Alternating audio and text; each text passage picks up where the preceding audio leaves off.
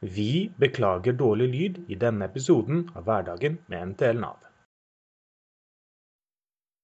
Å trykke på start innspilling, det er, eh, det er lurt å få med seg.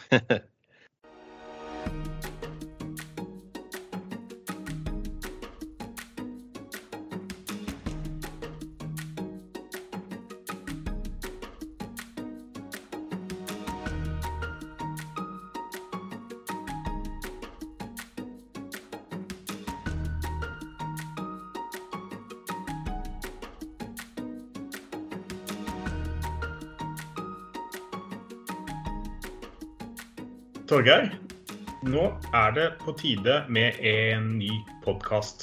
Vi har jo vært eh, ytterst til høyre og snakka med Frp. Skal vi prøve oss ytterst til venstre også og høre om Rødt vil ta en prat? Ja, han øh, virker jo alltid evig sjarmerende, han Moxnes. Ja, og dyktig òg. Det blir spennende å høre mer om eh, Rødt sine tanker om eh, Nav. Han er vel veldig opptatt, da. Som eh, de fleste andre, men kanskje vi kan få ta en prat mens han er på vei eh, mellom møter. I dag har vi besøk av Bjørnar Moxnes. Født i 1981 i Oslo. Representerer på Stortinget to enheter med like mange bokstaver, Oslo og Rødt. Har sittet på Stortinget i talende stund i tre år og 240 dager.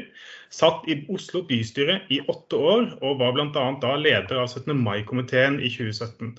Partileder fra 2012, var en del av den radikale miljøet på Oslo katedralskole. Studerte sosiologi, skrev en master om politikernes tendens til å begynne i PR-bransjen, men sier selv han var en ubrukelig student. Hans forfedre solgte hestekjøtt på Youngstorget fra midten av 1800-tallet. Selv er han glad i grøt. Velkommen, Bjørnar. Tusen takk for det. Vi starter med litt eh, mer om deg. Eh, Hvorfor blei du politiker? Nei, det var ikke noen eh, voldsom plan, det egentlig. Jeg ble engasjert i, i ungdomspolitikken og, og ikke minst eh, fredsarbeid og også kampen for gratis skolebøker. Som, eh, hvor vi fikk med oss elever på, på å gå til elevstreik. Eh, toga til Trond Giskes kontor da han var utdanningsminister. eh, 10 000 elever og hadde, hadde mye moro med det. Og fikk jo til og med gjennomslag. Så det var litt at det ene tar det andre. da, man først får litt uh, smaken på, på engasjement, organisering, eh, alt det man kan få til, eh, så baller det på seg. og så på et tidspunkt så ble jeg jo da vara til bystyret, og så etter hvert ble jeg også da valgt inn og, og tok mer og mer ansvar. da. Så det har vel gått litt sånn slag i slag. Kan du eh, fortelle noe om deg selv som folk flest ikke vet? Jeg eh, var eh, ivrig deltaker på Hyperstate da jeg gikk på ungdomsskolen, som var et svært rave-party eh, i Oslo Spektrum. Stemmer. Nå ser jeg for meg deg med et lysrør i hver hånd. Det er jo interessant. Ja, sånn var det faktisk. Det er det verste. ja. Men det var i forrige årtusen, så det er lenge siden. Over til dagens tema, og vi begynner i det brede. Hva er Navs viktigste rolle, etter ditt syn? Det er jo sikkerhetsnettet vårt, da. Sikre økonomisk trygghet for dem som eh, ikke kan stå i arbeid eh, eller miste jobben. Og også eh, hjelpe folk som kan jobbe, over i tilbake i arbeid igjen. Det er det aller viktigste. Det er jo grunnmuren i velferdsstaten vår. Det er det Nav er og skal være. Vi, vi har jo et høyt sykefravær i Norge sett i forhold til andre land. Hva tror du det skyldes? Det er nok eh, fordi vi har en mye større andre av befolkninga i arbeid eh, enn i mange andre land, som er en veldig god ting. For Det betyr at, eh, at om ikke du kan yte 100% og være en sånn nesten supereffektiv maskin og arbeidstaker, så er det mulig å stå i jobb fortsatt, i hvert fall i en del bransjer. Og da vil med nødvendighet sykefraværet være høyere enn i land hvor vi i stedet har hivd ut eller ikke fått sjansen til å komme i jobb eh, noen gang. Så Det store problemet i Norge er ikke sykefraværet, men det er eh, heller sykenærværet. At altfor mange går på jobb som de burde holdt seg hjemme. Og at de presser kroppen sin, står på, gir alt, ikke minst for pasienter og brukere i offentlig sektor, helsevesenet. Så at de til slutt blir uføre av jobben og av, eh, arbeidsslitasjen og da havner på Nav som uføre. Det er problemet. Sykenærværet. Ikke at vi har høyere fravær enn land som eh, i mindre grad inkluderer eh, folk i arbeidslivet. Mellom eh, sykelønn og uføre, i hvert fall for noen, så har vi AAP. Regelverket på arbeidsavklaringspenger det ble drastisk endra fra 2018. Stønadsperioden ble redusert til maks tre år. Mulig forlengelse satt til maks to år ekstra. Og vilkårene for forlengelse ble strengere. Eh, er AAP-regelverket sånn det framstår akkurat nå, eller sånn det er akkurat nå? Sånn det bør være? Nei, overhodet ikke. Her ser vi et veldig tydelig eksempel på hvordan politiske beslutninger eh, slår direkte og veldig brutalt inn i enkeltmenneskers eh, liv. Dette har gjort at tusenvis av folk har blitt kasta ut i fattigdom fordi Nav ikke får til å avklare dem av forskjellige grunner eh, i tide innenfor tidsfristen. Og de skyves over på sosialhjelp ute i kommunene. Jeg hadde en som sto fram, Elin Marie Jaren. Hun fikk vel mye trusler på jobben sin og ble, ble sjuk av det og, og havnet på AAP. Og så fikk hun beskjed plutselig en dag eh, at neste uke så opphører AAP. Ferdig. Eh, og da var Sunni fare for å selge leiligheten sin, røske opp livet til både seg selv og sønnen hennes på ni år. Eh, og finne seg en eller annen billig leilighet et annet sted istedenfor. Så det her er en hjerteløs eh, politikk. Denne karensperioden er et av de mest usosiale påfunnene som Høyre har kommet med eh, i regjering. Det rammer veldig brutalt. Og det eneste det gjør, er at det gjør folk som sliter, enda fattigere. Og da blir ikke veien tilbake til jobb noe kortere. Jeg tror den blir lengre hvis det trøkkes ned i fattigdom, det er ikke veien tilbake til eh, arbeid eller aktivitet. Ja, det tror jeg det er mange av Nav-ansatte som vil være enig med deg. At eh, når måte, det kommer mer press på toppen for å ha en deadline på avklaring, så er det ikke det som bidrar til å få den gode avklaringen. Nei, du må ha ressurser til å få avklart eh, folk, og gjerne raskere der det er mulig. Det er ikke noe mål at man skal gå lengst mulig på AP, altså. Virkelig ikke. Mm. Men, men du må sikre at folk eh, får nødvendig avklaring. Man får gjort de grundige medisinskfaglige vurderingene. Og ikke minst så handler det om ikke den personlige manglende arbeidsmoral ofte, men manglende tilbud om arbeid. Eh, veldig for arbeidsgivere som tar inn folk som kanskje har hull i CV-en, eller som ikke kan yte maksimalt. Det er der det store utfordringa ligger. Nå målet er å få inkludert flere i, i arbeidslivet framover. Eh, en annen utfordring som eh, Nav jobber med, er jo arbeidsledigheten. Altså, det er jo et stadig tilbakevendende tema. og Hva mener dere i Rødt er de mest effektive grepene for å hjelpe folk tilbake på jobb, og hva tror du fungerer? Det er å gjenreise statens ansvar for arbeidsformidling. Nå er det outsourca i stor grad til bemanningsbransjen. Da blir det fragmentert og det blir oppsplitta. Og vi ser at den bransjen er veldig god på én ting, og det er å hente tidligere arbeidskraft fra fattige land i Øst-Europa eh, inn på pendling til Norge for å eh, gjøre masse jobb, og så blir de sendt tilbake igjen når, eh, når man er, har brukt dem opp. Det er det bemanningsbransjen driver med. Det vi trenger, og som vi har foreslått på, på Stortinget, er jo å gjenreise en offentlig styrt arbeidsformidling. Hvor altså arbeidskontoret, eller arbeidsdelen av Nav, har tett og nær kontakt med næringslivet og bedriftene og virksomhetene i sitt område. Og har oversikten over hvor det mangler arbeidskraft, hvor det trengs nye typer arbeidskraft. Og i samarbeid med næringslivet og bedriftene kan eh, sørge for det.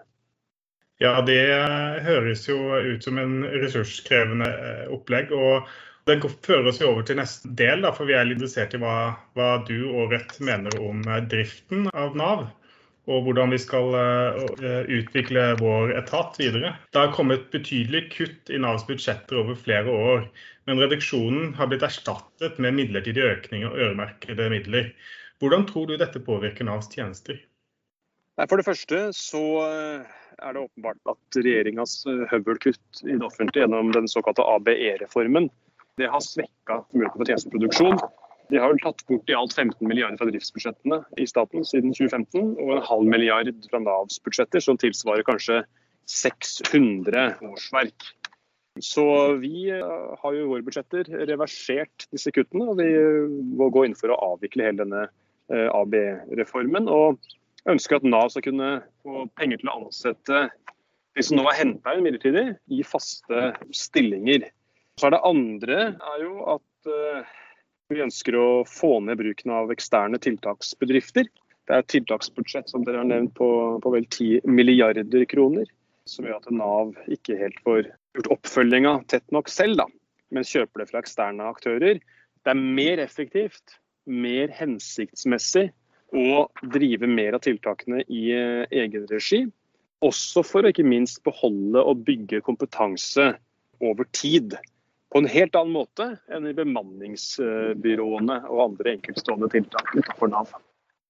Ja, Du var jo litt inne på det jeg hadde tenkt å spørre om da. For akkurat det her med balansen mellom driftsbudsjettet på 13 og tiltaksbudsjettet på 10, det er noe vi er veldig opptatt av. Vi har medlemmer også som jobber med dette fra direktoratshold. Og det de sier, etter både å ha kjørt evalueringer og vært tett på det opplegget vi allerede har da, med den eh, egenregipengene som vi har, den fullmakten vi har hatt, det er jo at eh, vi tror at vi kan ta 100 millioner fra tiltaksbudsjettet eh, i året opp til 1 milliard. At det kan vi forvalte veldig bra med det apparatet vi allerede har på plass. Da. For det er klart vi også ser jo det at det, må være en balanse mellom bransjen som har veldig mange flotte, mange dyktige tiltaksbedrifter med spisskompetanse på visse områder, eh, og det at Nav gjør mer sjøl. Det høres bra ut. og Man må trappe det opp når balansen eh, blir, blir bedre. Og så er det jo sånn at eh, det å ha en stor statlig etat og aktør som ute i landet har kontorer som har tett kontakt med arbeidslivet, både offentlig og også private, som kan arbeidsmarkedet i sin, sin region, i, i, sin kommune, og samtidig kan stå for mye av formidlinga av arbeid til de som trenger det. Det er åpenbart mer effektivt og sømløst at det splittes opp og, og settes ut til veldig mange forskjellige små eh, private bedrifter virksomheter uten den samme totaloversikten som, som det Nav kan få, hvis vi, vi, styrker og satser på den delen av Nav og, og gjenreiser eh, statens ansvar for arbeidsformidling. Det er liksom egentlig et paradoks da, at det å sørge for at ledige hender finner ledige jobber, og omvendt, at det ikke er noe som er liksom i kjernen av statens oppgaver, men har blitt outsourca, det er et stort paradoks. og jeg tror at at også pandemien har vist at, at vi trenger et mye sterkere offentlig ansvar for det enn det har vært en del år nå. Det var vel AFI som sa det i en av rapportene knytta til evaluering av prosjektet med kjerneoppgaver i egen regi, at eh, de hadde ikke sett i noe annen sektor eller noe annen bedrift som outsourcer kjerneoppgavene sine. Det var på en måte helt unikt. Det er unikt, og det er, altså, det er markedsliberal høyrepolitikk hos det dummeste. Altså, det, er ikke, det, er ikke, effektivt. Det er ikke bedre, et bedre Nav, og det er heller ikke bedre for brukerne av tjenestene. Det er noen som tjener på det, men det er helt andre kommersielle interesser. Eh, vi må sette samfunnsinteressen først, og ikke minst det å sikre en effektiv og smidig og, og sømløs arbeidsformidling. Og der tror jeg helt åpenbart at det er Nav som er nøkkelen til det, eh, ikke og splitter opp på ulike mindre private bedrifter. Nav-kontorene drives i dag i partnerskap mellom staten og den enkelte kommunen. Hva syns du om den modellen for eh, drift av Nav-kontor? Ja, altså Rødt støtter eh, en linje hvor, hvor Nav-kontorene kan få med myndighet og også frihet til å, til å, utøve faglighet og skjønn i møte med brukerne. Og så er det en fordel for oppfølging av brukerne, tror vi, at, at eh, kontorene også er kommunalt forankra. Eh, et sånn helstatlig Nav, det tror ikke vi løser eh, brukernes koordineringsbehov. Eh, verken når det gjelder avklaring, altså avklaringsløpene, eller for brukere som har sammensatte eh, tjenestebehov. Tvert imot så trenger jo de brukerne at Nav kan nettopp samarbeide tett med kommunens eh, øvrige tjenester. Altså F.eks. rus, psykiatriske tjenester, flyktningetjenester, det kan være barnevernet, dette vet jo dere, familiekontoret, voksenopplæringa. Altså, mange av de tjenestene som de brukerne her trenger, er det jo kommunene som står for. Og som har best grunnlag for å løse. Altså det som er sosiale tjenester. Som er noe langt mer bare sosialhjelp, men som er eh, både individuelt og, og skjønnsbasert og ikke standardisert. Og det, så det tenker vi er et godt argument for lokal forankring og for den den kommunale forankringa av, av, Nav. Vi har jo tatt til orde for statliggjøring, og det er klart det er jo ikke fordi vi tror at eh, staten skal løse alle disse tinga uten å involvere lokalt, uten å involvere kommunen, men det er vel den kvasi-modellen der vi på en måte har ansatte som sitter eh, med to forskjellige regelverk, eh, to forskjellige lønninger gjerne med ganske like oppgaver og forskjellig arbeidstid, og hvor det er en del koordineringsproblemer når vi har en helt unik modell da, hvor det er flere linjer og ansatte og forskjellige lover og avtaler inn i samme en sånn halvintegrert løsning. Det er, eh, men det at kommunen spiller en nøkkelrolle, det er vi i hvert fall enige om, selv om vi ser litt ulikt på, på akkurat den måten å løse det på. Du er jo litt inne på det med at uh, altså, det er viktig med kommunalt uh, samarbeid med en statlig Nav. Uh, men ting som skjer i Nav, er jo at man slår sammen Nav-kontor. Som fører til at Nav-kontorene blir langt unna borgerne. Eh, I tillegg så reduseres åpningstider som utfordrer tilgjengeligheten. Eh, det forventes og tilrettelegges for at man skal eh, ta kontakt på nett eller per telefon. Og Da lurer vi litt på hvor, da, hvor lett syns du det burde være å komme i kontakt med Nav? Den, den adgangen bør, bør, bli bedre. Vi er veldig skeptiske til det som skjer nå, med, med nedleggelse og, og, og kutt i åpningstidene. fordi det går åpenbart utover tilgjengeligheten. Og Vi ønsker jo ideelt sett at Nav-kontorene har en åpningstid eh, som sikrer at de brukerne som ikke er komfortable med eller har kompetanse til, eh, til å benytte seg av digitale eh, løsninger, i stedet kan få møte et menneske på, på Nav-kontoret. Og Der går det i feil retning. Altså Mange, mange takler det, og det er viktig å få, å få, til også digitalisering. Men vi må sikre tilbud for dem som, eh, som ikke helt har den kompetansen. Eh, og Det er nok mange av Navs brukere som, som er i den gruppa, og som trenger et, et, mer tilgjengelig Nav. Da er vi egentlig ganske på oppløpssida her. Eh, en ting vi er nysgjerrig på før vi sier ha det, det er jo hva du tenker om oss. Hvordan vil du beskrive en typisk Nav-ansatt?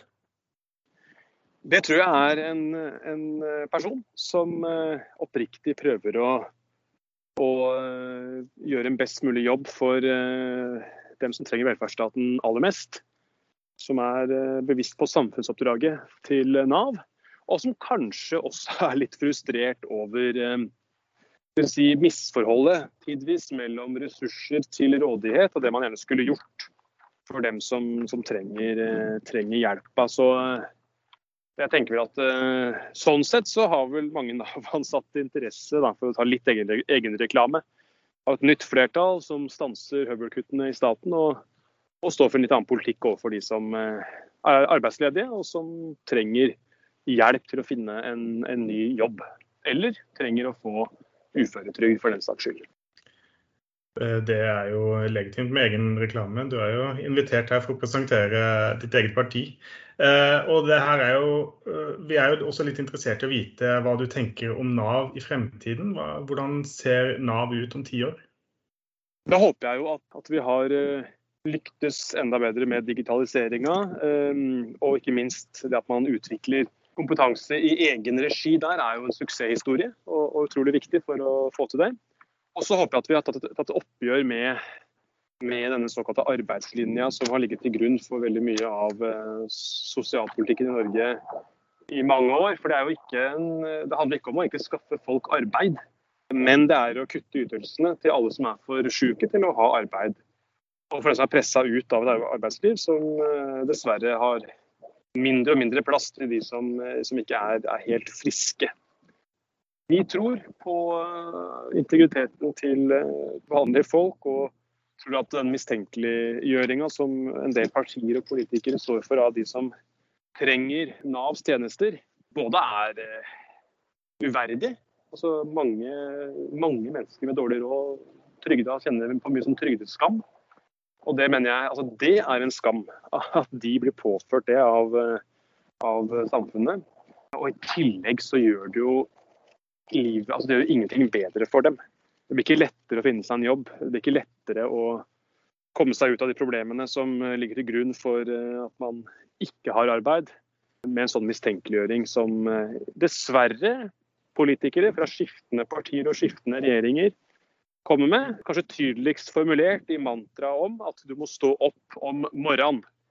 Som om det var det som var hovedproblemet for dem som mister jobben eller ikke engang får lov til å prøve seg i arbeid. Helt til slutt, siste spørsmål. Det handler om fagorganisering. Hvorfor er du fagorganisert? Eller hvis du ikke er det, hvorfor ikke? Jeg tar med den eh, bare fordi jeg stiller spørsmålet på lik måte, da. Til alle. Ja. ja. Men altså, jeg er fagorganisert fordi jeg tror på et organisert arbeidsliv. Det er helt avgjørende for eh, vanlige menneskers trygghet og frihet. Vi ha en sterk fagbevegelse som kan balansere ut noe av den makta som arbeidsgiverne eh, sitter med. Og så er jeg også da med i, i et fagforbund som er med i LO, som også tar samfunnsansvar og, ikke, og ønsker også å påvirke samfunnet politisk. Ikke nødvendigvis partipolitisk, men også politisk. Eh, vi har et samfunn med mindre forskjeller og, eh, og et ryddig arbeidsliv. Eh, og Det er noe som går hånd i hånd med også Rødts politikk. og Uten en sterk fagbevegelse, da mister vi den sivilisasjonen som velferdsstaten er. Så Det er, vårt viktigste bolverk mot uh, utenforskap, og, for å sikre at vi har sikkerhetsnett som uh, tar vare på oss den dagen vi trenger det. Og det kan skje plutselig for noen å være og en av oss. Gode ord til slutt. Bjørnar Moxnes, tusen takk for at du tok deg tid til å være sammen med oss. Takk for det, takk for muligheten, og lykke til til dere og alle andre i Nav med den viktige jobben dere gjør. Det betyr enormt for hundretusener. Så stå på videre med det. Tusen takk for det. Ha en fortsatt fin dag. I like måte. Ha det okay. godt. Ha det godt, da. Takk til deg som hørte på. Hvis du har spørsmål eller kommentarer, ris eller ros, så er vi veldig takknemlige om du sender en e-post til torgeir.homme alfakrøll nav.no. Vi høres.